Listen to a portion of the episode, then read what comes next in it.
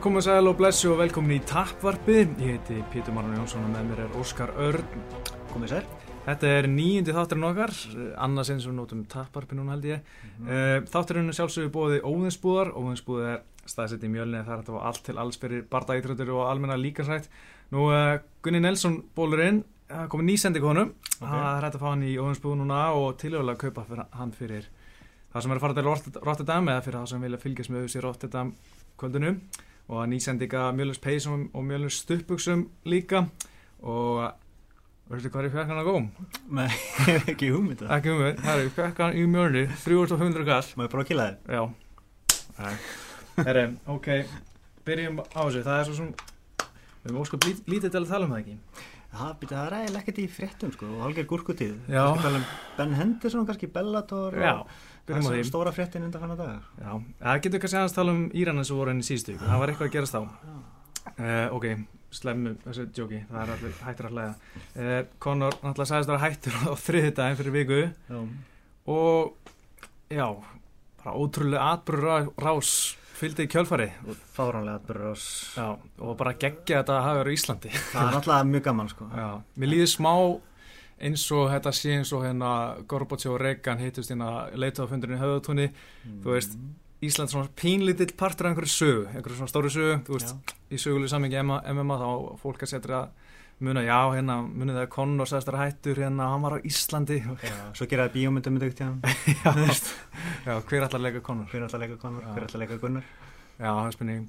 Uh, Já, þetta var náttúrulega mjög steikt sko, hann sagðist að hættur alltaf hætta ungur þengi fór alveg cheese og svo náttúrulega hætta hann við eftir tvota en úst, mér, mér fannst úst, hann var alveg að svona segjast að það er hættur alveg, þegar fólk var að spurja í mjölni og svona bara já, já ég er hættur og hérna heyrða hann eitthvað djóka við John Kavanagh bara hvað ætlis ég að vera að gera nú, ætlis ég að vera í WE eða hvað, úst, hvað er ég að vera að gera? Og hérna já. og svona eins og hann hafa alveg verið að meina þetta í svona korter sko.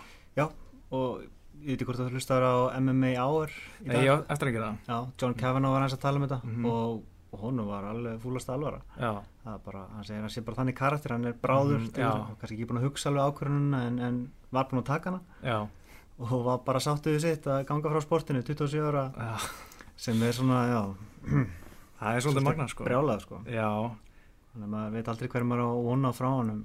nei Ég hugsaði sko fyrst hann hætti bara, já, hann er að tjóka hann verður búin að skipta um ákvörðan morgun Mm. en svo fyrir hugsaði að kannski á veist, þetta var aðeins lengur í burti en maður heldur og koma kannski tilbaka í lókárs eða Mm. snemma á næsta ára eða eitthvað en svo náttúrulega tveimundum setna þá hætti hann við þetta Ég held að veri lagalegt aðrið, Já, ég held, einmitt svo var ekki breach of contract sko. En uh, það verist ekki vera sko. og Deina segir veist, að, að þó, að, þó að hann sé ekki retired þá er ekki að líta á þetta sem breach sem alltaf bara, þið vil ekki fara í fílið hann vil ekki fara í já, stríða já. En, en ég held að margir aðrir myndu fá ansi mikið Já. skýtkast fyrir þetta sko. og náttúrulega í USATA hendi ykkur tvít um að hérna ef þú segist þar hættur og ást að býði fjóra mánu til að koma aftur því að já, það er reglunar er þannig sko. Og- spáðið þeir eru framfyllt því. Já, að því sko, þú veist, að það er þú veist, ef þeim er, veist, virkilega alvara hann var náttúrulega bara tvo daga hættur en þú veist, ef þú segist þar hættur þá, þú veist, er þetta gert til að koma við fyrir að menn, hætt, segist þar hættur og fara að djúsa á fullu og alltaf bara að koma svo strax aftur inn. Mm þá náttúrulega vilja þær láta ykkur fjóra mánu líða þar sem þú ert. Veist, prófaðar oft og mörgursunum á nokkra manna fyrir stið hennar það meika sens Já, algjörlega. Og, henna, og hann náttúrulega tala um USADA hann í lokin. To UC and USADA I'm not retired. Já. þannig að uh, Nate Diaz hann uh, og hann er ekki að fara, veist, Conor Nate Diaz er ekki að fara að mætast á þessu 200 Já, hann neytar að berjast auðvitað annan. Já, mér finnst það eiginlega bara að geða þetta það er svolítið kúli á hann það veit alveg bakkar hann ef hann myndi fá eitthvað gott tilbúð sko. Já, ef hann myndi fóð GSP þá held ég að Já.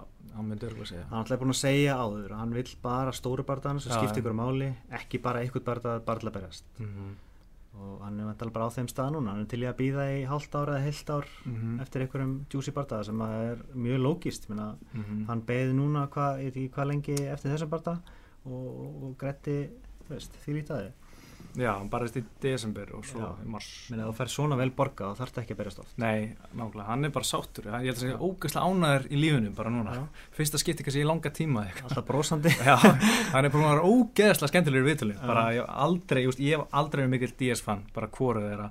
Aldrei svona heilla mig einhvern veginn.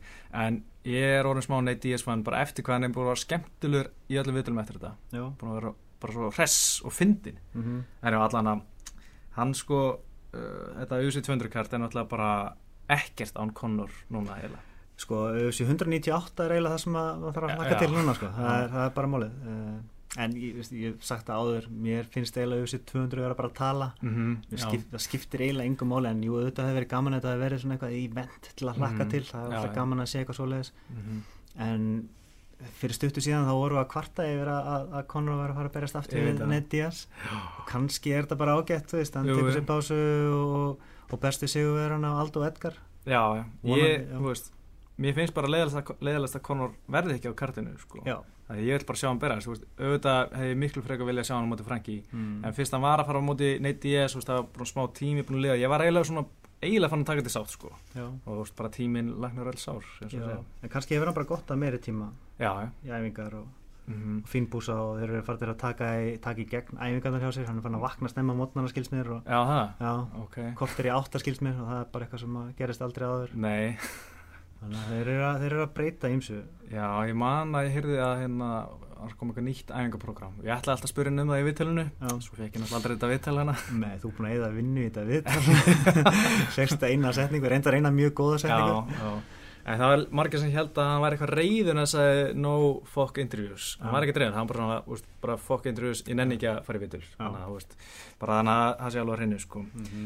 En kannski til að fara aðeins yfir þetta, hann náttúrulega, úst, ég mætti hann á kemslisæfingu á þriðdæðin til þess að taka upp, jú, úst, sem er að keppa hann í Shinobi á lögudaginn taka þá eitthvað upp og ná viðtölu þá og svona, svo ætla að tjekka á Conor. Ég var ekkert bjarsít, þú veist, um að þú veist, okkur ætti, ég veist, maður myndi ekkert búist að Ronaldo fara að tala af einhverja íslenska fjölmjöli hennar skilju, hann væri eitthvað að æfa, þú veist. Það, er einhvern veginn bara, já, engin, maður getur ekkert gert kröfu á það. Mm. en ég ákvað svona spurja hann, þú veist og það var, auðvitað, var ekki að sjá þetta tweet hann frá hann um að hann var hættur. Mhm. og hérna, hann sagði alltaf bara nei, þú veist, ég sá strax svona þegar hann fattaði hvað ég var að spurja um hvað hann var ekki að nenna fyrir vitul, sko og hérna uh, svo bara einhvern veginn komið sér trillta atbyrður um kvöldi hvað engin vissi neitt sko Alveg magnað sko. og, En hvernig finnst þér UFC að að tekla þetta?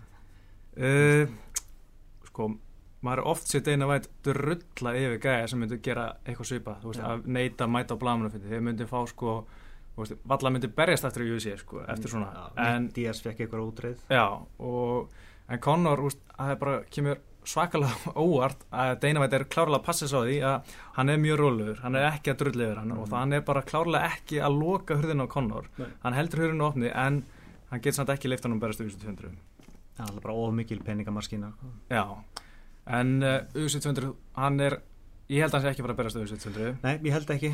Og margir sem halda það samt að, að, að UFC get ekki bara að loka þessu ég tækifæri. ég held þér væri búin að opna þetta núna já, að mhm, ég er sammála því. og, og bara ef maður sá hann að blamanafundin þar sem að hann var spurður ítalega út í þetta Mhm. af Helvani. Já, hann var bara, veist, það er bara slemt fordæmi. Já, og við, getum ekki veist, látið veist, þess að gauðra hérna fljúandi út veist, frá Brasilíu, frá, Já. frá heiminum. Mhm. Og hvað er bara að lefa honum að gera það sem hann vill. Já, einmitt. En svo spyr maður sér, skilju, lífi, þú veist, UFC uh, vill sína sangirni Já, og við höfum oft gaggrinda fyrir að vera ekki sangirnir Já. en svo þegar er að sína sangirni þá viljum við eiginlega ekki að séu sangirnir en svo, þú veist, annar bor, skilju, þú veist, í bara venlega vinnustæði ef einn er að koma með miklu meiri pening inn í fyrirtækjaldur en aðrir fær hann auðvitað stæri skrifstofu hann fær, veist, aðeins veist, það er ekki allt sangjart, hann fær betur hluti heldur en gæðin við hliðina, á, sko og hann er að skapa peninga fyrir hina með veist. já. þeir fá meira borgað ef hann mætir veist, og starfsmenninni væri bara ánæður, hann myndi að fá stærri skrifstofu, bara Já. frábært Já. Og þá fæ ég bónus hey, allir ánæður Þetta er mjög sérstök stað sko. en ég get alveg trúið að hinn væri eitthvað öfundsjúkir svona, það er bara að hafa það þetta, er bara, þú ert með superstjörnu Mhm. og svo ertu með já, ég, vallastjörnu sko. Já, og uh, þú verður eiginlega veist, hann er með einu tvíti að auðlýsa barnaðan betur en uh, með hundra algjörlega þetta er bara nýr unnveruleiki mm og mann finnst einhvern veginn eins og sé svolítið gamaldags í þessu þau þurfa bara að aðlagast nútímanum og bara aðlagast honum þó að þetta sé ekki sangjart kakart öðrum sko. já, svo er náttúrulega er þeir svo mikið að hugsa um fordami sko. Þú Ef. Leifa Connor komst upp með þetta mun þó ekki næsti segja, herðu ég ætla ekki að gera þetta held og þá, þú veist, sko. þá náttúrulega er ég í erfiðleikum með að segja nei við því og, Já. og þú veist já, þannig að veist, maður skilur alveg afstöðu sig að vissuleiti en samt myndi maður vilja sjá þá Já. En er þá ekki bara lausnin að semjum þetta fyrirfram? Þú veist, hefur ekki átt að vera Já. búin að segja bara ok, þú þarfst að mæti þetta, þetta þetta já, og bara semjum um það, þú bara farið jafnvel borgað fyrir það mm og það er eins og hann hafi bara ekki vita þessu fyrir bara veist, með tvekja ekki fyrir ára eitthvað Já, minnst það er þetta ótrúlegt sko. já, ég veit ekki hvað það var planað sko. Mér, ég las eitthvað pistil fór John Cowan um daginn þar sem hann var að segja að plana okkar var að fara til Portugal, æfa þar í viku, hann var hérna á Lagos, ég fara ángat í Geðvíkstæðar sko, Já.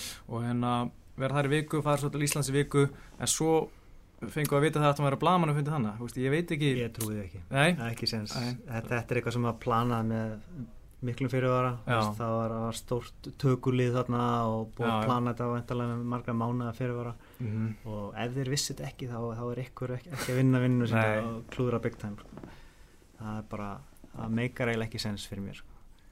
þannig að það er auðvitað bara rétt í þér. ég, á, mér finnst það mjög ódýr útskýring Já, en maður sér líka, þú veist, USA 200 á, núna, segjum að þú veist, mm, ok, segjum að Daniel Cormier og John Jones verði aðalbartanum USA 200, Mhm. það er flottu barða og þetta er flott kart, en það kart mun gera svona að hámarki, myndi já, 1,2 max, Já. Conor minnst okkur segja 1,5 held ég, Já. ég held að geta fullir það sko bara, síðasta kart fekk 1,5 miljón og þeir eru að mætast aftur núna. Mhm. og svo er þú veist náttúrulega verður meira hæp í kringum þetta og þetta er bara betra kart og stærri event einhvern veginn. Og margir kaupið þetta röglega bara því þetta heitir 200 já, já, nákvæmlega. Og ert með tvo svona titilbarta innan gæsilapa mm ég held að þetta geti farið hátt í tvær sko. já, en uh, þannig að þeir eru að gefa frá sér kannski 8 til 700.000 sinnum 60 dólar Já. pay-per-views.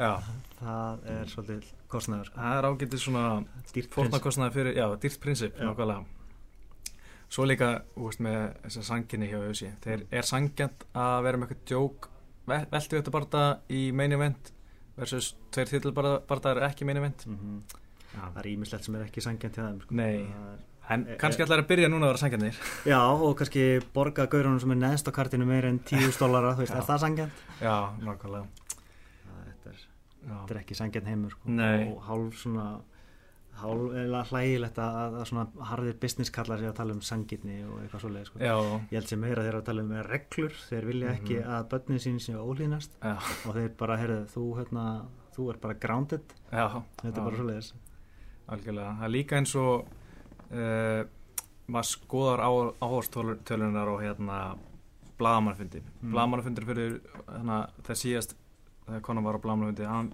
það voru 180 manns held ég sem á beinni Já. og 60 mann sem horfði á þennan í beinni á fyrstæðin og og, og kannski vorum að búast við að fá að sjá fréttir af eða, já, eða eitthvað Því þeir voru með tvö auð sæti hana, þú veist, fyrst var Nate Diaz og henni var hans nafnspjald komið Já. og svo var sæti við Leon og Deina bara aukt all tíman, það, mér varst það svolítið skrítið. það var svolítið svona bara alltaf ekki aðtiklaði, hann nefndi ekki að mæta Já, ég held að þetta hafi verið meðvitað En mér líka þessi yfirlýsing hjá Conor hana á Facebook mjög Mm, flott. mjög flott. Það var bara, sko, mér fannst fyrir þessi yfirlýsingu eins og allir væri að svona tala um ánægir með auðsig fyrir að standa á sínu og, og þannig já. en eftir þessa yfirlýsingu fannst mér fólk fara að snúast í 180 gráður Mm. bara, herru, hann hefur eitthvað til þessi máls. það skilja allir, þú getur Já. ekki verið endalist að fljúa út um allan heima á okkur blagamannafundum, þú verður þreyttur og trublar reyningarnar algjörlega, sko, ég eh, get ekki ímyndið mér hvernig það er veist, að sitja frá þú veist, hálf sjö til morgana til hálf sjö um kvöldi og Mhm. svara sömu spurningum aftur og aftur og tala um sama gæjan aftur og aftur, þú veist, margt erfitt í lífinu skilju en þetta er bara, bara mjög þreytt. Já, og hann er ekki að koma með svona einhver stöðluð svör hann er- alltaf að reyna að vera feskur og Já. fyndin og sniður sem er alltaf helmingi erfiðara sko. já, og líka bara ég held svolítið að auðvitað þetta svona less is more með svona þessi gæði, þú veist, þeir að fara eins og hann tala um hana Susie and Davey, einhver blama, hana morgunþáttur í Connecticut, eitthvað sem nobody gives a shit about, eitthvað. Af hverju ekki frekar fara bara til veist, að reyna frekar að fara til Conan og Já. svona vinsala stóra spjallætti stórastafið já, og, Og- og halda eitt stóran blaman fyrir New York Já. þú veist, í staðan fyrir að hafa með þrjá í Kaliforníu og hérna Mhm. hér þar, veist, eins og með World Tourin með Aldo, Mhm. þú veist, ég horfði ekkert á þessa blamanfundi, Nei. ég horfði á blamanfundi í Dublin að hann var klikkaður já, og svo sá maður brot í Ríó og Já. Kanada og eitthvað svona, þú veist, maður var ekkert að horfa á allt, maður var að horfa heldur skiljur á náttúrulega embedded þættinu sem voru geðið Já, hérna. highlights bara Já, þú veist, bara það tók beltið á honum og Já. eitthvað svo leiði sko. maður þarf ekki að sjá veist, þrjá blamanafindi með Conor, veist, einn er nóg, þú fær miljón svona soundbites úr einu svona blamanafindi. Þeir eru eiginlega bara að gera það og semja við hann um bara ákveðin Twitter-fjölda eða eitthvað bara sendu frá þér þrjú tweet á viku veist, smá Snapchat eða eitthvað Já. og þá þarf þetta ekki að mæta í x marga blaðmann Já. það já, skilar miklu meiru algjörlega eins og þetta tweet sko, þú veist, bara, þetta er mest tweetaða, en retweetaða tweet bara á þessu ári held ég, næstmest eftir eitthvað tweet frá Kobe Bryant.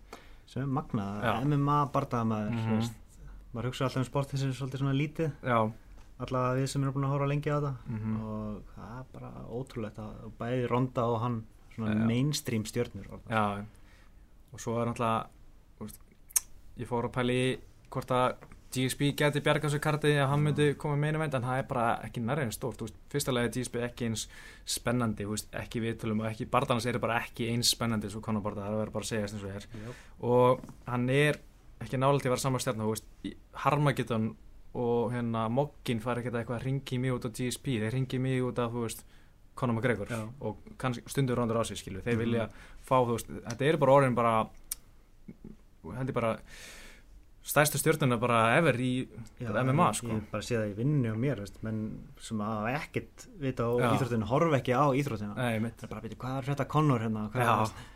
Þú veist, og, og ég held að daginn, daginn sem að mest var að gera hann í síðustu viku mm út af þessu öllu saman þá, þá skrólaði gegnum vísi. Já, það voru fimm eða sex fréttir bara á fórsíðunni um já, nákvæmlega. Fáralegt Þetta er, hann er orðin bara fáranlega stór sko. En já, þetta, þessi yfirlýsing var heldur góð. Hún var meistarlega gerð. Ég, veist, ég veit ekki hvort að hann gerði það bara sjálfur veist, ef svo er þá er hann Ég held það sko, ég held að hann sé svolítið veist, hann er með náttúrulega umbúrsmann hann Áti Attar sem er snjall kall sko, hann er hérna, þú veist, búin að vera með mar- marga svona NFL gæja og er alveg svona stóri í bandarækjunum Já. en ég held allt svona sé alveg bara hann. Þetta leit út eins og einhver, briljant PR skrifstofa hefði leiðið og komið, þú veist, farið í eitthvað eitthvað brainstorming og komið með þessa yfirlýsingu. En, en já, þetta var eiginlega bara snildalega orðað. Já, og eitthvað með einlegt já, algjörlega. Þannig að þetta virkaði ekki eins og hann væri kokki og, og, og Mhm. svona já, frekur. Meira svona, já. Nei, það var svolítið svona ímyndi fyrst það var bara fyrir eitthvað krakki Já. sem fekk ekki það sem hann vildi Já. en svo svona, maður skildi hva, hvaðan hann var að koma. Já, svo eru margir sem held þetta væri peningavirðaður Já, þetta væri bara samningatekni og hver veit en ég held ekki með allt sem eru heyrt. Já. Svo náttúrulega henda hann í þetta tweet í gær morgun um að hann væri komin aftur, hann væri á auðvistu 200 og ég er svona, þetta er Mm. fyrst sem ég sá að ég kíkti á síman um morgunin ég vakna. Og, og ég bara ok, nice en svo svona, fannst það smá skrítið ég var allan, búin, allan tíma búin að hugsa að mun ekki vera á auðvistu 200 já, og svo fór ég að skrolla gegnum t- tweetið og svo ekkert voru auðvisi og engin annar búin að staðfesta þetta bara ok, Mhm. það er eitthvað skrítið við þetta já, og veist, það er enginn sem staðfesti svona stóra fregnir, fregnir undan auðvisi Nei. veist, og þá náttúrulega kom ljós Steinu Væts að ég veit ekkert hvað hann var að tala um þetta er ekki komið frá mér. Og hvað hva vakið fyrir honum með þessu hann er að reyna að setja einhverja pressu og auðvisi bara, já, veit ég hvort að þetta hafi verið gott move sko. nei, þetta er kannski eitthvað svona sem á að spyrja sem hvort það hafi verið svakalega sniðið sko. Já, eins og sé, ég veit ekki. Hann er svona poti í björnin sko. Já, já, já.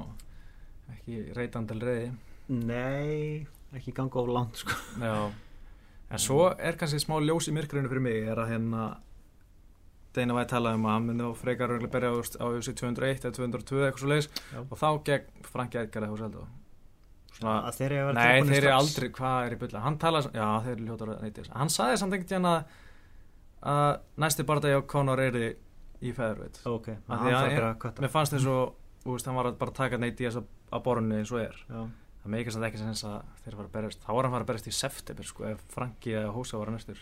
Já, þeir þurfa 2-3 mánuði sko. Já, þeir eru örgulega að fara í 5 lótu stríð sko. Já, það er rétt. Veit, kannski verður þetta eins og Chad Mendes bardaginn það er að Franki Edgar og Chad Mendes.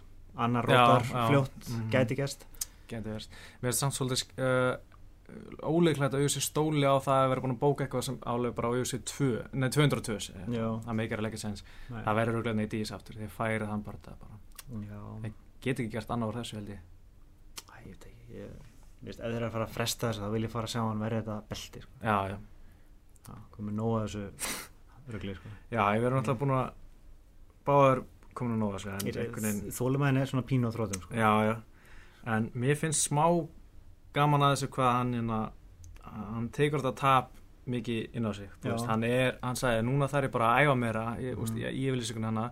Núna þarf ég bara að fá smá frí frá þessu promo keftaði Já. og bara verða aftur ég sjálfur að æfa. Veist, það sem komir að þennan stað var ég bara að æfa vel. Þetta er bara Rocky 3 Já, nákvæmlega. Klöpurlegum Þetta er bara nákvæmlega saman Já, þetta verður góð bíomöndegt hjá Já, já Það er búið að gera hana. Já, en þetta er nú svo- svolítið skemmtilegt að það skuli, já eins og þessi allt gerast á Íslandi og hérna Mhm. fullt af fjölmjölu sem hefur sambandið mig til að reyna að fá eitthvað viðtölu konur, bara veist, eins og ég væri ekki búin að reyna, eða ég væri ekki búin að fá það ég gæti, það, bara Mm. sorry strákar það er bara ekki, er ekki hægt eins og er. Nei. Og hérna ég tala líka, fekk viðtölu John Kavanagh, en hann gæti ekki tala um, um konur var, ah, tjúvillig maður, þetta var reynt hjá hann og það var miðjögudaginn sko, þannig að mér, Það er eins og að það veit enginn alla söguna. Nei, Það er allir með vísbendingar já, já, En, en alltaf, já, maður hefur ekki heyrt símtölun á milli fyrir að tvekja Nei, ég er nú bara heyrt að úr Steinar Væt sagðist að bara vera, tala, vera yfir, yfirvegar og, og Mhm. tala rólaði við, við Conor. Ég hef engar trúið því að hann hefur eipsitta á Conor að drulla sér til Las Vegas. Ég bara, ég get, þú veist ég er 100% sem það Já, og eftir það var hann fúll og sagðist hættir. Já. það er örgulega, flettan er örgulega einhvern veginn þannig. Já, já. og líka, já, annað sem ég ætla að segja með þessa yfirlýsingu og, já, Ísland, já, það sem ég ætla að segja hérna, það var svo gaman að fylgjast með hann hérna Íslandi, hann er mér finnst alltaf eitt skríti að kemur alltaf af skemmtilega orð hvað hann er ennþá almennilegur. Og þegar fólk er að byggja þessar mynd mér finnst hann alltaf segja já. Og alltaf bara er já, ekkert mál til að taka mynd uh, meira svo sko þegar hann er að var að byrja á æfingu í mjöli mm og hann er að reyna bara, þú veist, hitu upp þá kom fólk og sem var að klára einhver æfingu undan og fekk mynd og hann, þú veist, var ekkert, brosið út, af eirum þá en hann sagði samt já, skilju, hann var alveg hann var alltaf jætt almennilegur og okkur og ég, já, svona, mér finnst alltaf jætt skemmtilegt, sko, ég, þú veist ég sá hann örgulega taka svona úst, þúsund myndir eða eitthvað þegar hann var í mjöli það var bara endalust fólk að byggja um myndir að sem með honum og, og ég, ef ég var svona frægur var ég algjört dykk og myndi bara segja nei og, og, Já, og var hann mjög þreyttur á þessum búin að fá nóg af þessu áhætti sko. Já, hann hlýtur að teki einhver ákvörðun einhvern tíma bara, herru, ég ætla bara Já, alltaf að vera næs, ég ætla alltaf að gera það. Já. ég man líka, hann já, í, í Vegas fyrir 189 þá var hérna open workout fyrir svona aðdándur og, og fjölmjölmenn og hérna þetta var ekkert eitthvað bráðslega stóri rými heldur bara já, einhverju sal og árandi voru sko, hann var pakka af árandum við svona hlið mm -hmm. og áður hann var æfði og svo átti hann að koma að tala við fjölmjöla en hann sagði, nei, nei, býðum með það og fór og gaf hverjum einasta aðdáðanda áreitaði, tók mynd, fó bara gegnum röðan og þetta voru sko, við byggjum í svona hálftíma eftir hann Það er það er mjög vel gert og hann er hann að kötta veist, í Já. feðurveit og bara eins og rusl sko. Döðþreytur já, þannig að þetta er hann er svolítið magnaða karakter sko. Já, en þú heldur að vera DC Jones 2 já, Júlí. ég held að við get ekki gert þannig ég. það er ekkit veist, ég held að TSB sé ekki að koma alveg strax. Fyrst að, ég held að það væri búið að til, tilkynna það. Mm, Já, mér allavega að heyrt að það væri umræður í gangi og Reebok dæmi var að að stoppa. Já, akkurat, það er held ég það sem er að stoppa sko. Já, er að það leið, veist, það, það er bara peningavandamál. Já, en fyrir það sem ekki vita þá er TSB með mjög góðan samning, samning við Under Armour. Under Armour, já. og hann getur ekki fara að klæðast, klæðast Reebok í að svona, það er eitthvað flóki, flóki við það örgulega. það þarf allavega að borga ykkur um ykkur miljónir Já, Það er ég held að sko TSB sé, já, að fá einhverja miljónir fyrir Under Armour, sko, hann er í auðlýsingum, hann er eitt af stórum andlutinum þeirra, allan í Kanada og svona. Já, Og já, hérna, já, ég heyrði einhvers staðar, sko, að TSB myndi koma að staðin fyrir konur og mæta bara Nate Diaz. Það er ekki bara það sem ég langar að sjá. nei, ég bara eftir, eftir hvað GSP tók Nick Diaz Já, sem já. er miklu stærri þá held ég að hann neyti ekki miklu möguleika. Nei, þó að GSP, GSP sé búin að vera frá lengi akkurat, hann er ennþá, hann er 34 ára gammal já, og búin að vera að æfa á fullu og örgulega án meðsla og örgulega í Mm. góða standi. Þó hann sé vantarlega riðgæður já, hann er alltaf búin að slíta crossband á báðum hjá hann núna. Já, Þannig að það er, úst, hann er kannski ekki sami, sa- alveg sami íþróttum að einhvern veginn held ég, en, en samt held ég að hann veri alltaf bara rest, wrestle fokkan, sko. þetta verður bara wrestle rip döðan sko. Uh, eitthvað meira sem þú vilt bæta við með, með Conor? Ég veit það ekki ég held sér orðið ágætt Já, uh, það eru eitthvað sem ég langar að segja mér sem ég er búin að glemma en uh, býðum með það en uh, okkar maður er að vera berjast í Rotterdam sunnundaginn 8. mæ Já. og þetta verður síðasta podcastið okkar áður en áður en barndagkvöldið fyrir fram hann ákveðum bara, tökum bara góð Rotterdam umræð núna. Ég sá að, að Tumenov er stór favorit í veðböngum. Já, það var eitthvað sem bendi mér á það. Ok, Já, ég var að skoða þetta en þá var þetta bara svona mjög jæmt sko. Ok, það var eitthvað sem sendi mér að það væri 2 to 1 alveg. Jaha, Já. síðast ég skoða var þetta held ég mínus 140 pluss 160 eitthvað svolítið svona Já. bara drullu jæmt en hérna já, það er enda svolítið skemmtilegt. Það er áhugavert. Já. ég held að Gunni hafa alltaf verið favorite nema sko úst, svona á móti Brand og Tats var hann mm. underdog hjá sömu veðbökum favorite í öðrum Já. og líka gegn Maja held ég. Þetta var svona back and forth og líka fyrir Maja bara sá, sá ég að var kom mikill peningur inn á Gunna bara sama dag í Vegas. Já, ok. Það er margir sett á hann, kannski einhverjir ríkir íslendingar hann, ég veit ekki. En hérna, já, það er Já. hann sé underdog Eða Írar, já, nákvæmlega, Íra Vinur Já, góð punktur uh, Já ég, ég minna með hennar barndag við talaðum hann áður uh, fyrst, það er, þetta er bara strækjar versus grappler, þetta Já. er gamla góða. Mm, ekki það að Gunnar sé bara grappler nei, en hún hefur gengið vel að móti strækurum sem eru fyrst og fremst strækarar. Já, og náttúrulega þetta er tiltrúlega einfalt hann þarf að ná hann niður og Mhm. það ætti hann að vinna. Já. Það er svona uh, borleikindi sko svolítið, svona, ef hann, er niður þá er hann að fara að vinna, ég sá barndaginn sem hann tapaði hennar fyrsti barndaginn í UFC þá gaf hann sér baki nokkur sinnum og ég hugsaði, ef hann gera mútið gunna þá er þetta búið. Já, en það er bara spurning hvort að veist, maður hefur ekkert séð takedown vörðan í ánum í, í þessu fyrsta bara var hann ekkert eitthvað Mhm. hann var ekkert frábæra með minni líka sko hann hafi nátt takedown og, og veist, verið svípaður og svona já, hann hefði ekkert verið það var hann Ildimar Alcantara sem er held ég alveg góður glímumæður sko eða svona, hann er engin, engin gunni samt en ég held að hann sé alveg svona flottu brassi sko já, við heldum náttúrulega að hann myndi ná Rick Story niður gerði það ekki nei en Rick Story er, er svona, já, wrestler hann notaði það en þessi Mhm. hefur það ekki Nei, en svo náttúrulega er þessi rússar svo mikið með, úst, hann er ekki með svona wrestling sambo bakgrunn eins og margir rússar, hann er með box og karate bakgrunn sko. Já. Þannig að þetta er svona, það lítur ágætlega út á pappirum svona, Mm. að vissuleiti. hann er með mjög hættulegar hendur hraðar, nákvæmar Mm og högþungur -hmm. Þannig að Gunnar þarf að fara mjög varlega gæti hæglega fengið á sig högg sem meðir hann. Já, algjörlega.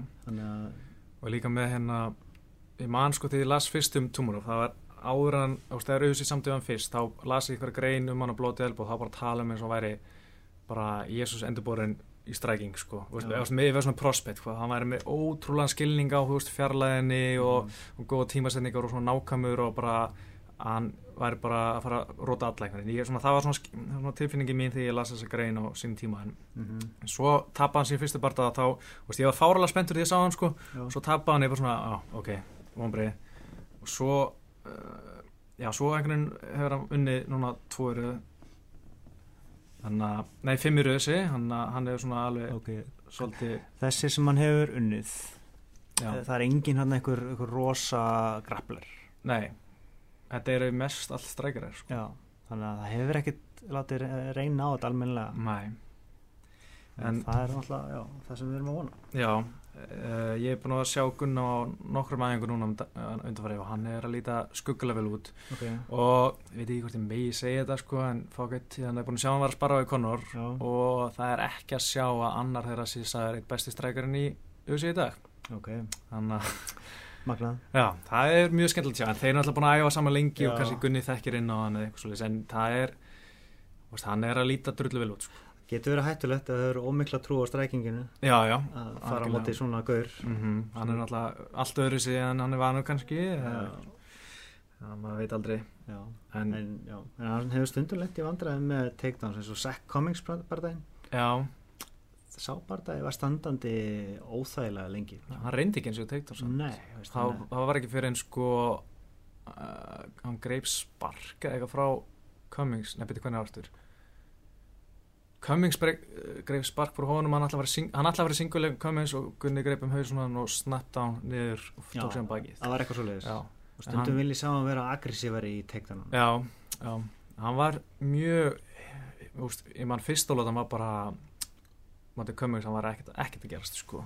Og ég man að, held hann að tapa þeirri lótu hjá tveimur dómurum allan en svo ég man að Deina Vætt sagði eftir þann barða bara, hann var að horfa hann að bara, hvað er Gunni að gera, hann er Já. ekki að gera neitt. Og svo einhvern veginn allt í henni kemst hann, hann fór svona að finna tímsendingunum sinna held ég og finna, komast inn í barðan í annar lóti, ég man það að byrja að hitta þessum, með, með þessari beina hægri, já, hitti nokkur sinnum vel í vel í Cummings og hann braut hérna augtóftina í honum er og Cummings þurfti að fara í, í einhverja aðgerð sko var náttúrulega lengi frá, ég held að hann barist ekki fyrir árið sittna sko. Mhm.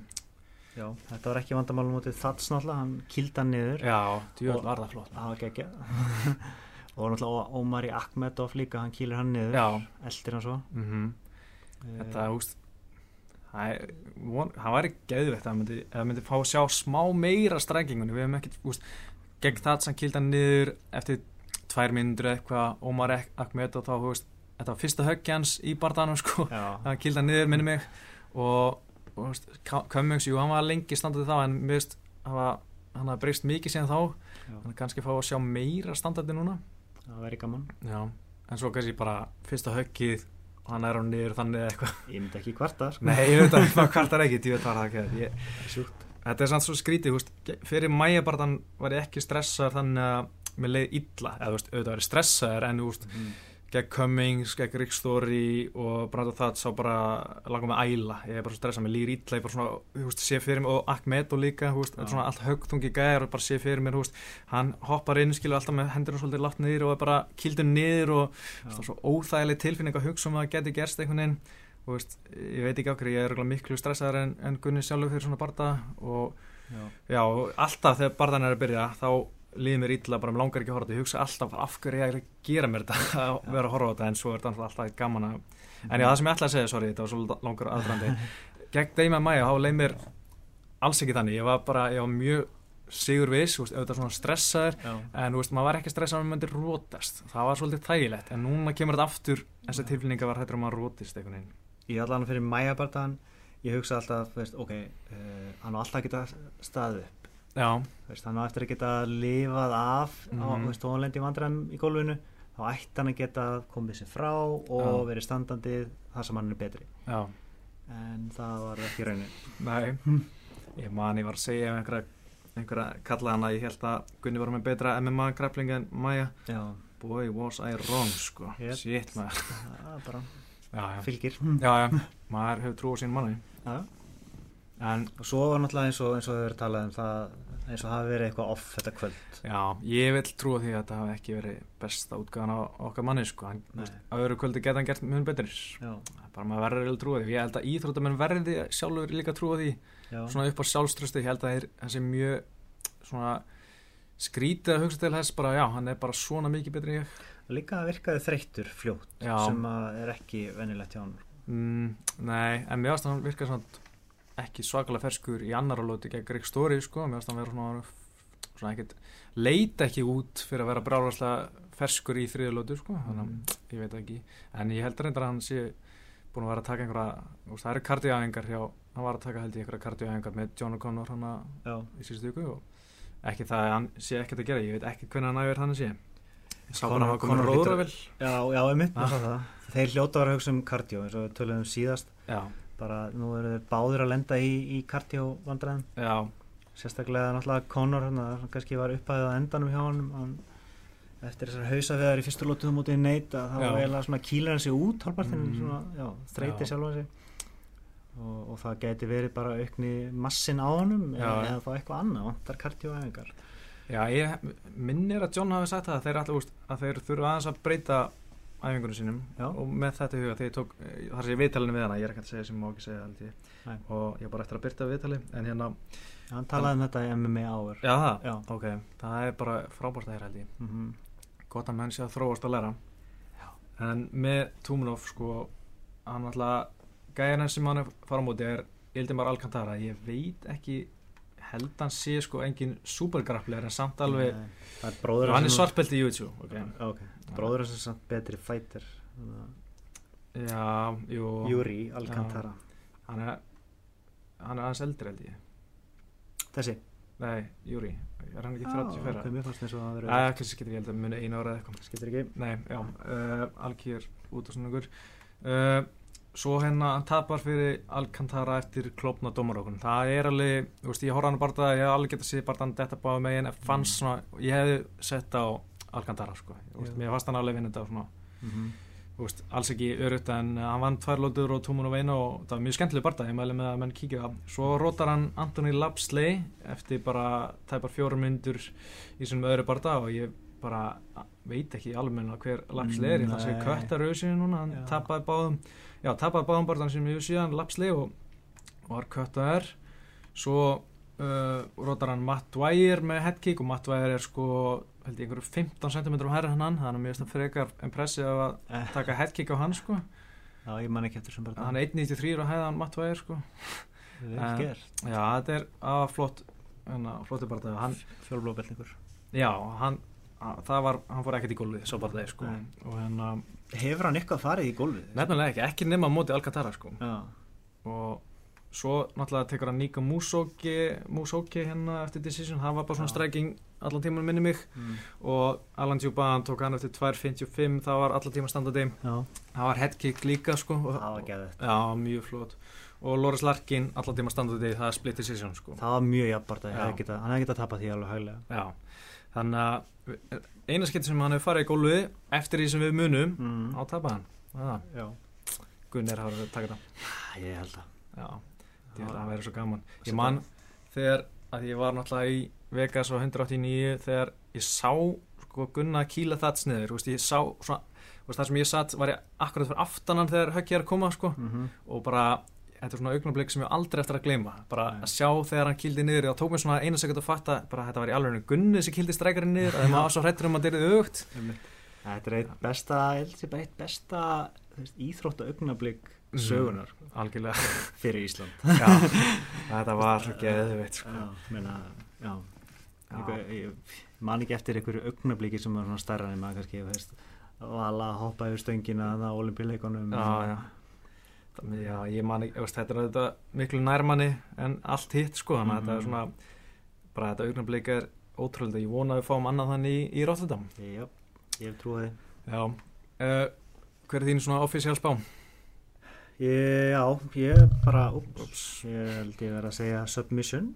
Já, og segja önnurlóta já. Fá smá strekking í fyrstu og, mm það er svo ekki og ekki ólgrætt að það sé reyður nekitt Já, þú ert bara djarfur. Já, rosa djarfur sko. Já, ég ætla að sjálfsögða að tippa á Gunnar Sigur já, Ég ætla sí, Kókó líka að segja annar lótu Já. Kókoplata. Ég ætla að segja Guillotine ok. Jafnvel TKO högg í gólunum. Já, Þú veist, hann mántar hann og olbor hann í drasl og hann bara Já. dómar að stoppa þetta hann hefur náttúrulega tekið alls konar submissions. Tók, hérna, tók armbar á, á Alexander hérna, hvað heit hann hann var síðastu barðaðin Hérna, Butenko já, mm Ég held að hann er bara að taka arbar Renegat og Guillotine sko. Ok. Bara svona í fersku minni, ég er ekki bara já, Sjá, Choke, Guillotine, Rínegat Choke, Arbar, Neckcrank, já, á móti Eugene Fatber, hann var hann standandi, Já. hann var með að reyna Já. en þú veist, ok, hann bara svo tapaði já, og Rínegat Choke, KO, TKO, Submission Punches, uh, TKO, Submission Arbar, ok, armbar það er bara einn Arbar, er það ekki? Nei, tveir, Tveir, já, já. tveir, alveg, ok, þetta er heldur skemmtilegt. já Uh, En já, ég held að, að, að submission sé ekki ólíklegt sko, þó, þó við séum náttúrulega alltaf mjög litaðir. Já, já, ég, En þú veist, ef hann ætlar að vinna já, e, það er miklu erfæra fyrir hann að vinna á stigum standandi. Já, hann líka virðist aldrei vera svona að spila með stíðin, fyrst mér. Veist, mér veist það er svona eitt sem að gæti bætt sig í, en samt er svo gaman að sjá hann vera alltaf að reyna að fara í finnissi. Hann er ekki, hann er ekki, aldrei að vinna lótur með því að fara, veist, í takedown í lóklóturinn eða eitthvað að reyna að stila lótum. Hann er bara að reyna til að klára það, skilju. Þannig áður þetta að vera, en veist, það er bara ekki allir sem gera það, skilju. Það væri kannski sniðut stundum að koma með flurry í lokin eða, eða reyna takedown sko. einmitt, sko. En, uh, það væri mjög gaman að sjá hann standa þetta mótið tómunum, en það er svo miklu meira stressandi einhvern veginn. Man, man líður svo vel þegar þetta fyrir gólfið, sko. Já, vonandi fáið bara bæði Já, það er enda rétt uh, góð búndur segi uh, Líka, uh, já, hvað heldur að gerast ef hann tapar? Hvernig, hvað er að fara að gerast? Já, spurningin er fyrst uh, verður hann köttaður? Ég held ekki Nei Alltaf tvö töp í röð og, og já, Þrjú þrjú og töp í fjórum Já. bardugum, það er alls ekki gott Nei en ef við gefum okkur það að hann verði ekki köttaður Mhm. þá bara, já, fær hann einhvern annan sem er svona á svipuðum staði með hann topp 20 Já, þú veist. ég held að hann myndi ekki vera köttaður að myndi tapa Mm. uh, en ef hann myndi tapa næst er hann 100% köttaður held ég ég held að það Já. er svona, nema það er bara eitthvað besti bara mesta stríð eða eitthvað svona, Mm. mm. úst, maður hefur séð svona deginum væt gefa, svona vita svona undartekningar já, en ég held að hann myndi vera komin á ansi hálun í sem myndi tapa og þá líka er leiðin að toppnum einhvern veginn svo ógesla erfið sko. En það er svo mikið með maður áhuga menna úst, við og að flesti bara eru fljótur að gleyma, gleyma. það er ekki nema eins og eitt barða mútið mæja og þá er úst, miklu færri sem hafa trú að geta unnið Dúmlof Já. bara það var svolítið gegn Brand og Þats líka já. að hann tapa fyrir Ríkstóri aðar bara svona, það var margir svona úf. Svolítið afskrifaðan svolítið. Náttúrulega hluta ástæðan okkur við vorum svona kokki í síðast það var afgreðslan já, og þats algjörlega, algjörlega. en einhvern veginn já, og er bara gildir um alla bardaga maður horfur alltaf á, á eitthvað með momentumið sem að gaurin er á og letur það hafa áhrif á sig. Algjörlega. Og maður er stundum að hugsa uh, þú veist, ef maður er hérna einhverju tapar einu sinni hann, hann er búinn, þú veist, hann er ekki búinn hann er ekki fara í toppin, hann er ekki Mm. eins góður og höldum og svo já, kemur okkur strík og allt innu kemst á toppinu, þetta er svona að maður ég er alltaf að reyna að passa mig á þessu en ég mm klikka á það að ég afskrefi eitthvað sko. Kannski nýjasta dæmið Juno dos Santos. Já, við vorum nánast búin að afskrifa hann. Já, það, ég fekk smá svona ok, það var eitt af því sem ég hugsaði að, að því ég er svo oft, oft askra menn Mm. og ég hef gert það með Dos Santos að fyrir Róðhólbardaðan hugsaði ég bara ég ætla, ég ætla að passa mig á því já, ég stóð hann á Sýri já, ég líka já, Já. ok. til erum við klári Til erum við klárir.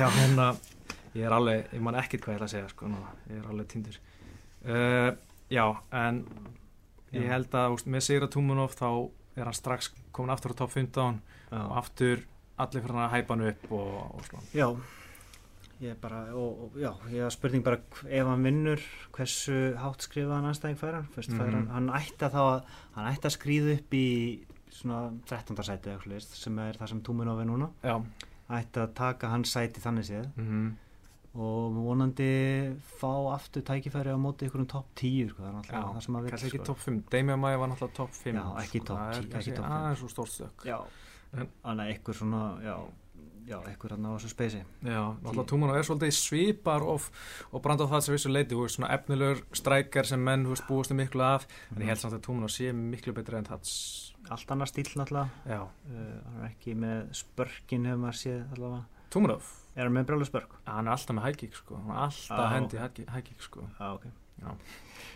Tvö hækík, strike Já, já um, en hann samt náttúrulega með hendurna hans eru betri, sko Já, það er svona aðalvopnið. Já uh, Ok, eru ekki bara búin að fara ansi vel yfir þennan bara það? Það held ég. Að fara yfir þetta kart Rennum aðeins yfir kartið, það er svona nokkri sem standa upp úr. Já, main event, Alistair. Overeem gegn Andrei Ólóski Já, fyrsta lagi bara flottu bardagi, þú veist, Mhm. og horfum á þetta, þú tvö legend í raunni sem er að mætast þannig, þannig að Mhm. hvena sem er sem þeir myndu mætast það er áhugavert. Já, Mér finnst reyndar mjög skrítin tímasetningin á honum, uh, Overeem er þarna búin að vinna þrjá í röð já, og er svona tilbúin í titilbardaga, þannig séð, já, og Arlovski tapaði sem síðasta.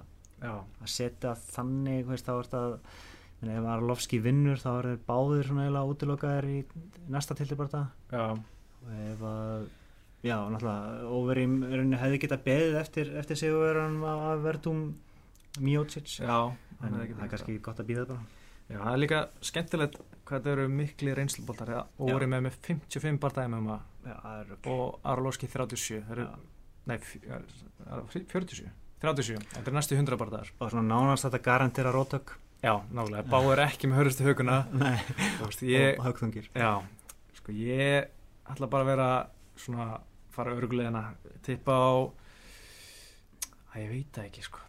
Sko ég held að úrin vinni en hann er oft svo hæg, eða svona fer vark, er varkár sko og Mhm. svona tæ- tæknilegur að hann gæti farið róla að stað og kannski klára þetta svona tíki og annar lóti já, uh, en mér veist Arlovski líklega til þess að vinna í fyrstulóti Já. en um, þetta verður mjög spendi ég segi overeem brutal róttöku í fyrstulóti ok, já.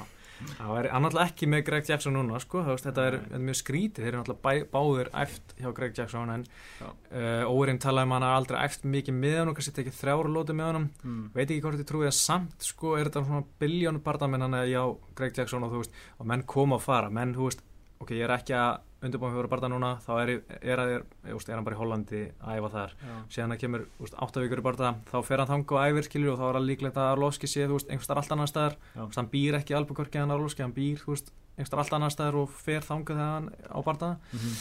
þannig að þeir hafa kannski ekkit eins, ekkit eftirnit eins mikið saman og maður myndi halda að liðsfélagur en að gera. Að Stór lið og þurfa ekki að vera vínir fyrir því? Nei, en satt svolítið sérst þetta að við sé bara setja saman svona tvo leysfélaga saman. Já, þeir hafa alltaf verið nokkuð harðir á því að bara, hei, þetta er bara business þetta er bara íþrótt eða mm -hmm. keppa. Bara, þú veist, feibir til að sjá veist, hvað sem það er. Já, John Fitz og Josh Corsick já. já, einhver fleiri hana Já, sem náttúrulega veist, hefur vakið spurningunni hjá okkur með Gunnar og Conor. Conor er að berjast í veldi Já, já. Mundur berjast, ég held nú aldrei sko, Nei. Gunni myndi, myndi vinna Já. Uh, Já, ég held að þetta verði svolítið skemmtilegt og hérna, ég lakka svolítið til að hlusta þess að kalla að tala blamanafötum því að mm. veist, ofta sem Euro events er svona main eventin alltaf góður en svo svona, svona semi-bardaðar hana en veist, það eru bardaðar eins og Antonio Silva gegn Stefan Strú, það er 100% róteku í fyrsta lótu held ég. Já, báðir svona skrýmsli stórir, er bardaðar sem skiptir eiginlega máli. Nei en bara upp á skemmtarnagildi mm -hmm. og já, eins og þeir garanteraði róttök. Já, báðar eru með glérhaugur sko. Já. en það verður Antoni Silva er svo, svo skrítingkall hann er með þetta gigantism með eitthvað sem er hormonagalli sem allir því að hann bara stækkaði ómanlega hann var krakki og eitthvað. Mm.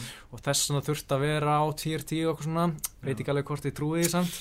Uh, kannski ekki þurft á styranum halda þú veist að það er kannski eitthvað hjálpa hann með ástandi sitt, ég veit það ekki mm. og hérna hefur bara litið hræðilega út sem hann þurft að hætta týr tí og hérna og hann er bara hormonakerf hans er örgulega í fokki sko. ætti nú ekki að hafa mikil áhrif á högun nei, ég hef samt heyrt það sko, að eitthvað svona mm, að hafi einhver áhrif á höguna sko. okay. að, að svona þessi styrar hjálpa við það einhvern veginn, ég veit ekki alveg ég er engi ég, nei, maður er ekki læknum sko nei, ég ætla ekki að lofa fyrir henn og náttúrulega Stefan Strú bara úst, ungur, búin að rótast mm. ég veit ekki hver oft. Báðir góðir á gólun góður ítsarar ég held að samt, hann hérna brúnpeltið hann hérna Stefan Strú? Já, hann samt alveg lúmst uh, veist, já, hann hefur sabbakauður á bakinu og... já, hann er 16 sem missjónu vins já, gott gard sko. Já, en svo hefur maður stundu séð, ég var smá hissa þegar ég sá Mark Hunt svípunum mjög auðvöldlega og Sean McCorkley svípunum mjög auðvöldlega er í vörsanum þegar mm. Stefán Strúm er mánt já svona, ok, þetta er eitthvað skrítið allavega að Silva myndi hann saman ég held það sko. Já. Já. Hann, uh, hann er líka með svo vicious grandi pound feitur bara dæn já, djúvel hann var líka, þú veist, þegar hann öskrar þú veist veit ég, vonað að það hljóma ekki rasist en það hljómar lítur út eins og okkur eh, heimskur svona caveman. Hann er að vinna vel með þetta þessa ímynd sko. já, og veist, hann gæti verið klárast um aðri heimi en þegar hann talar ennsku og hljómar alltaf eins og sé nöyt heimskur sko. ég veit ekki já, já, ég veit ekki hversu klárast um aðri er svo Já, svo er hérna Nikita Krylov gegn eh, Hvernig, hvernig spáður hérna Silva? Já, ég ætla að segja Antonio Silva TKO Já, það er alveg erfitt að spáður þetta bara, þetta er bara Eða, Já, bara hafa glaffa sko. Coin flip Ég segi strúf Já, já það er gott. Uh, Nikita Krylov frá sem er bara svo, úst Þetta er ekki þekkt þessi gæðin en Krylov er alltaf skemmtilegur Og hingurinn líka sko. Já, ég man ekki eftir hann Ég er sko. nefnilega man eftir hann með þessu Þetta er svona tveir harðir gurar Já það eru svona naglar. Ef þú ferð á, á heimasíðu þessi og getur séð andlutin en uh, þetta er svona já, þessi, þetta, já. þetta, þetta verður örgulega svolítið har, hardcore stríð já. sem er örgulega bara skemmtilegu barndagir sko, en sko, ekki hugmynd um hverju vinnur þetta. Nikita Krælov hefur aldrei farið í decision í 23 barndum Nákvæmlega, allir klárar, barndans klárar svo er hérna annar barndar sem er main event, aðalbarndan á Fox-kartunum, eða enna prílims það er Rustam Kablov gegn Chris Wade. Þetta er eitt besti barndaginn á kartinu finnst mér. Þetta er, já, ég ætla að er eitt barndað sem er spiltur en þetta sem er, við erum ekki með að tala um en ok, uh, Kablov er náttúrulega suplex vélinn, hann tók Já. bara, það var fyrsta barndánu síðan, hann tók að suplexa þrísar og róta mm. en, en síðan hefur hann ekkert ekkert gert hann svakalega mikið, hann vann hann að Horki mm. Masvidal, hann svo okkur einn svona Tappa á móti Ben Henderson. Já, ekki gert þetta svakalega mikið þá, hann er búin að tappa já, búin að tappa síðan tveimur að þremur. Hann vann síðast Norman Park. Okay. Já, þessi Adriano Martins hann, það er svona bardagi sem hann hefði viljað sjá hann vinna. Já. Til þess að fara upp í Já, veist, já. en hann greinlega er já, ekki, hann er já. kannski ekkit betur en það sko. Nei, Chris Wade, ég man ekki held ég sé er, það er svona ungu strákur sem er efnilegur 11-1 þetta verður spennandi barndagir sko. já, svo barndag, barndag sem ég er svona spenntastu fyrir sko, sem við ekki tala um til er, er hérna Kyoji Horiguchi gegn Neil Siri. Neil Siri er írskur svona verkamæðar hann vinnur ennþá bara sem er eitthvað verkamæðar mm -hmm. ógeðslega skemmtilegu karakter einhvern veginn. Og Horiguchi náttúrulega barist til Dimitris Johnson í fyrra hann er líka skemmtilega týpa það var hérna í embedded þætti fyrir nýla. það var að horfa á veiði já, já, virkar svona mjög hress gaur sko. Þannig að þetta eru svona tveir skemmtilega gæðar og ég held að það verður mjög skemmtilega barða þetta er svona líka svo ólíki stílar standart á mætast Horiguchi með svo bara mesta karti stíl sem ég aðeins séð mm. og Neil Siri bara ekta svona einhvern veginn bara svona boksari sem svona bara haka niður og, og sveibla sko, þú veist. Hann er með alveg mjög góður hendur. Og þetta er svona, já, æskan nýliðin á móti reynsleboltanum alltaf gaman. Mm -hmm. hvað er Hóri Gucci gammal nýkominn hann inn í öfsi já, sko. ég held að hann sé 25 eða eitthvað sko. fekk hann alltaf allt og fljótt tætl sjótt á móti DJ eins og svo margir eins og svo margir vandraðgangur þeirri telt núna já, 25 ára, Hóri Gucci hvað, já Jesus. Eru búin að kóra þetta karta ákvelda? Já, aðeins en bara on that note sko. Hvað hva er að gera við Dimitrius Johnson? Senda hann frí bara senda hann frí í svona tvö ár og leiða einhverjum gæjum bara berjast um að mæta honum Já, ég veit ekki, ég verði ángrist bara að hendur bara Benavides inn í þetta. Það verður veri fítbardagi og, og Johnson vinnur en það er alveg gaman að segja það Ég er að hugsa það sama. Benavides, hann er, hann er næst besti gaurinn Já, algjörlega. Og bardaginn alltaf fyrsti bardaginn, var hann ekki nokkuð jafn? Jú, ég held að það var þrjú tvöð húst í lótanum sko, Já, bara... svo bara næra hann að rótan hann í öðrum bardaganum Já. en kannski eru þeir jafnar en það. Já, ég held það sko. Menna, hann, hann, hann valtar yfir alla aðra sko. Benavides Algjörlega Þetta þessi sigur náttúrulega á Sehudo var, var fáránlur tekur hann hann í kleinsinu bara og, og raðar inn einhverjum njám frá öllum hliðum. Mm -hmm bara magna sko, afgreða svona gæja sem er ólimpísku uh, mistari mm -hmm. og markfaldur national champion alltaf í glímu og alltaf já, já. En, en tekur hann og pakkar hann saman á þreim myndum. Það var ógæsla flott sko. Það var svo gaman að sjá það líka maður, maður sér svolítið svona veist, með Dimitri Jónsson, mér er svona svolítið húst fyrir utan Benny Vítisport, hann er hann klára menn þegar hann er bara búin að vera með yfirhundana í smá tíma eins og mm gegn hann að hvað heitir hann hérna sem kom inn hana nei, ég er, það skýtir ekki máli. Mm. og hérna, og Horiguchi klára hann bara í síðustu sekundu bara það hann búin að þannig var hann bara klára þetta bara strax einhvern veginn Já. og veist, það var svo, svo refreshing að sjá það með killer instinkti Já. Það, það, það er ekki hægt að segja hans er leðilegur fætir Nei, hann er með 5 finnins í síðustu sjö bortam bara geggjaður fætir og nú náttúrulega spurningin hefur vaknað eftir, eftir 197 pundur pundkongurinn er það John Jones eða, eða DJ Já, ég segi DJ sko Já. en er maður, maður svo fljótur að glima maður Já. svo fljótur á sér sko, hæpið og, og svo líka, þú veist, pundur pund kríterjan, ert að horfa á nöfnin og söguna, hvað eru, mm. veist hvað þýningamiklu bardamenn hefur unnið, þá er það John Jones. Er það hversu góður ertu núna? Þá er það DJ Nákvæmlega, maður veit ekkert. Ég held að líka allir sem er að velja þetta séu með ólíka kríterja Algjörlega. En það er pundur pund listar er náttúrulega bara bullshit já, þetta er bara eitthvað til að tala um eitthvað.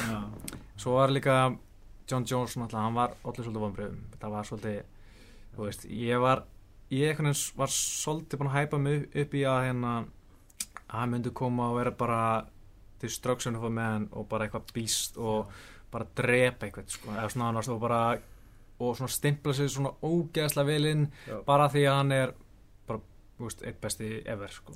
kannski, já, það er kannski óreinægt að, ætlast til þess já. eftir svona langa fjárveru mm. og allt þetta skiptum anstæðing og, og mm -hmm. þetta.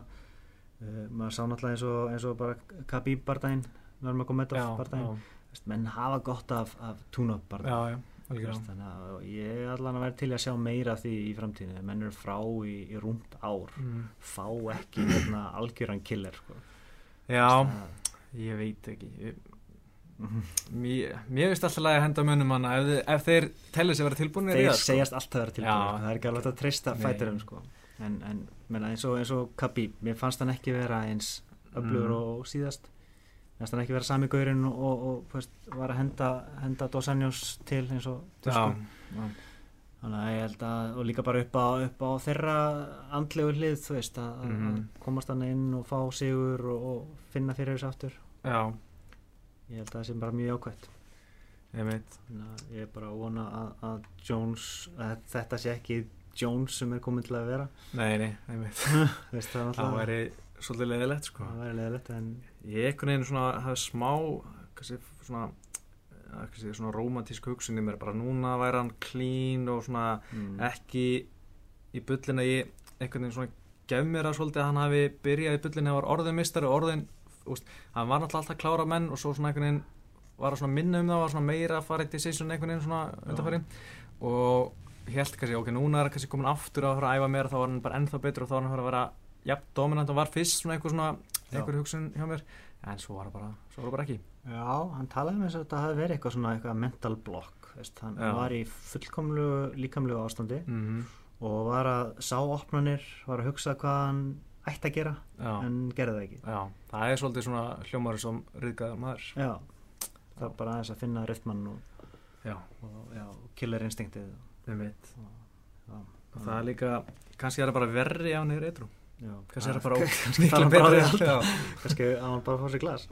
Og er bara út úr skakkur alltaf tíma, hann talaði með, hérna, lastu viðtalið með hann í Rolling Stones, hann var klikkað dæmi, sko, það var bara mjög gott viðtal, hann var líka svo einlægur einhvern veginn mm. og úst, maður kannski trúur honum ekki alltaf í þessum viðtalum en hann, hann trúði honum svolítið að hann var að tala um, sko, hann, bara, hann var bara skakkur á æfingum Sett kókain þá? Nei, grassi, sko ah, okay, okay, bara. Allt, bara mjög skakkur á æfingum og, og hérna og alltaf var að greina barða og fekk þessu jónu og bara skakkur húst þrjusar dag, ótt á dag og hérna og svo var hann úst, uh, liðsfélagar hans sem úst, er kannski svona að reyna að komast í USA eða kannski low-level USA sem vilja bara grænda þú veist allan daginn, alla úst, helgar og meðan hann er að jamma um helgar ja. horfandi að hann langbæstur heimi mm -hmm. en samt bara geðu ykkur jammar og alltaf skakkur Já. hvað þú veist og hann leiði svona illa yfir bara, bara djúvel, hvað ég kemst upp með mikið versus sko þeir húst eru að vinna miklu meira en ég Já. en samt ekki nála að góður það er mjög skrítinn upplegaða Ósækjað gaggar tínu Já, nákvæmlega.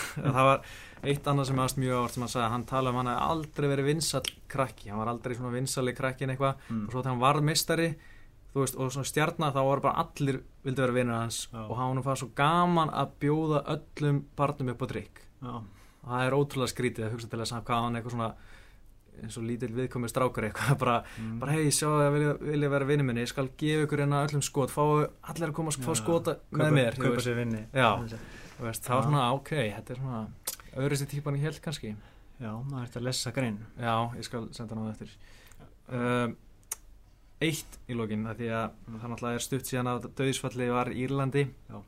Ræðilegt aðvík og við veitum náttúrulega ekkit um það þannig að hann gæti að vera með undirlikjandi hérna, sjúkdum fyrir eða eitthvað slúðið sem ástand við veitum ekkit um það. Mm -hmm. en þeir sá róttöki hjá Jair Rodríguez. Hann bara headkickaði hennar Andri Fíli á lögutan geðveitt róttöku og fyrsta sem ég hugsaði bara öskara bara geðveitt eitthvað. Mm svo þeir sá hann liggja svona róta þá hugsaði ég er í lægi með hann? Út, svolítið út af þess að ég byrjaði að hugsa um þetta döðsfallan í Írlandi. Mm -hmm. að því einhvern veginn Já, bara ég hef aldrei upplegðið aður Ég verði að, að, að, að játa að ég hugsa ekki um það sko. Nei, en, þeir eru alveg saman með alla. Ég er greinlega mjög samvinskulegs náðungi sko. en nei, þetta verður auðvitað ræðilegt og, og svona getur gerst bara eftir hvaða bara það sem er þó það sé ekki rótök mm -hmm. og ég veit ekki veist já, ég get alveg samt alveg ímynda mér að þetta hafi áhrif á, á hvernig fólk horfir á íþróttina hérna frá Þetta, ég veit ekki hvort þessi áhrif eftir að vara lengi eða náttúrulega stöð sem þetta gerist en mm. mér fannst óþægilega að sjá hann svona rótaðan heldur en ofta var Já, en hvað, hva, þú veist, ef þetta fyrir að gerast oftar? Ég veit ekki Hvað ef þetta gerist í UFC? Hæ, ég, ég veit ekki, sko, það er stundu fæ smá samverðskupið um að ég sé að njóta þess að horfa menn rótast mm. Ég veit ekki, þetta er svona eitthvað svona stundufæði spurningar sem ég get ekki svarað bara Já. um þessu íþrótt. Ef þeir halda áfram eins og þeir muni gera þá mun koma að þessu í össi ég held að það sé bara tímaspörsmál En hvað heldur þetta að breytast? Eh, ekki mikið.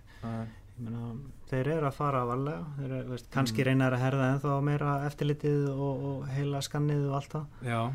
En fólk deyr í íþróttum er kapastri og bruni og ja, það sem ekki svona fólki finnst mest skeri við að þú ert þegar að deyja völdum einhvers annars veist, í kapastri varst oftast bara að þú kerar, eða í bruni kannski þú darst eða fórstatrið eða eitthvað.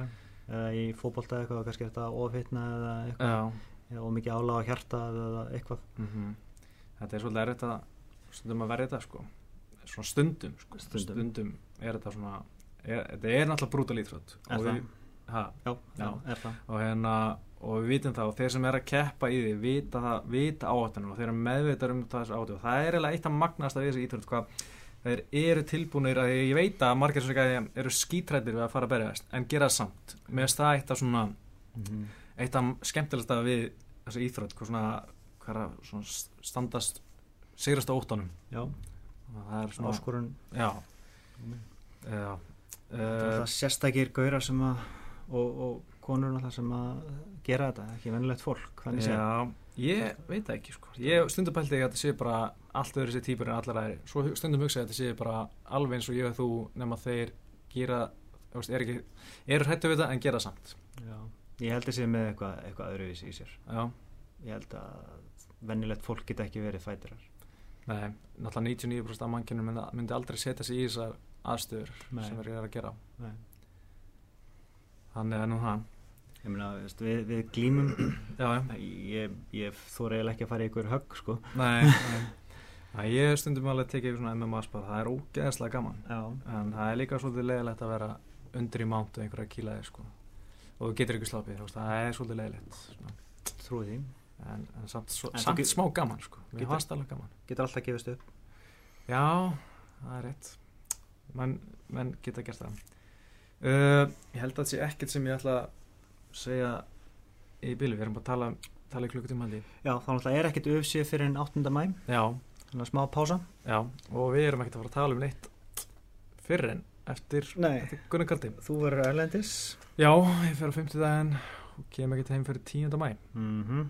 Það verður langt ferralag Megið regna á því allan tíman Erst þú ekki að koma til Rotterdam? Nei. Nei, ok, já, það, já. Ég verð bara inni hvort þeir aukstar, ég er ekkert að vera útið eitthvað, inn að klippa og eitthvað. Ég, eins og með í Vegas, ég, ég þekki hótelum mitt rosalega vel, mm. en svo hef ég ekki gert neitt annars, sko. Ég skoði MGM aðeins, okay. tekið lappa þar inn. Þú verð ekki færið á skotið að bissu eitthvað? Ég gerði það reyndir í San Diego eftir Vegas ferðina mm. í sumar, 189, þá fór ég á skotið eitthvað. Svo fórst ég í McMansion? Jújú, jú, það var reynda svolítið gaman var, Ég gerði aðeins meira í sumur heldur en desember já. Það hefði snappið verið gott. Já, ég er samt alltaf svo eitthvað finnst alltaf eins og ég er ekki heima svona, úst, ég er svona að lauma mér eitthvað Ég er að mm. læta alltaf lítið fyrir mig fara og mér vera hend út eitthvað Það er sem er alltaf bara mjög skrítið Þú er ekki að minnast á það að þú eru með snappið úti. Herri, já, við ætlum að fara að byrja með snapp MMA frétti Loksins, það Eh, ég er ekki búin að opna þannig að þið þurfuð ekki alltaf alveg strax en það mun byrja þriðjúdægin uh, áðurinn kartið er, ég man ekki hvað þetta er held sé um, þriðið mæði eða eitthvað slús mm -hmm. og Gunni berst á sunnuði main kartið byrja klukkan 6 og hann er þriðið bardæn hann er svona fyrir að byrja hálf 8 eitthvað slús giska svona gróla hálf 8 8 það er lög tími. Já en mér finnst leiðilegt að það séu sundi já, ég vil hafa þetta á lögum það er ekki sama stemningin sko. nei, það er það ekki sko. mánudagur daginn eftir já, þetta er ekki, ekki náðu gott. Uh, þeir eru fann að gera þetta oftar sem við séum, hafa þetta sundum já, Krátið er auðvitað öðruvísi, kannski að drekka minna. Já. Herri, núna stoppa þetta. Núna segja þetta gott. Yes. Herri, ég heiti Pétur Marunó. Og ég heiti Óskar Og við bara þökkum árnuna og sjáum, heyrumst aftur eftir einhvern veginn í mæ. Takk fyrir. Takk fyrir. Þetta er hræðilega undir maður. Sýkur ennþá að hlusta. Það er líka ekki.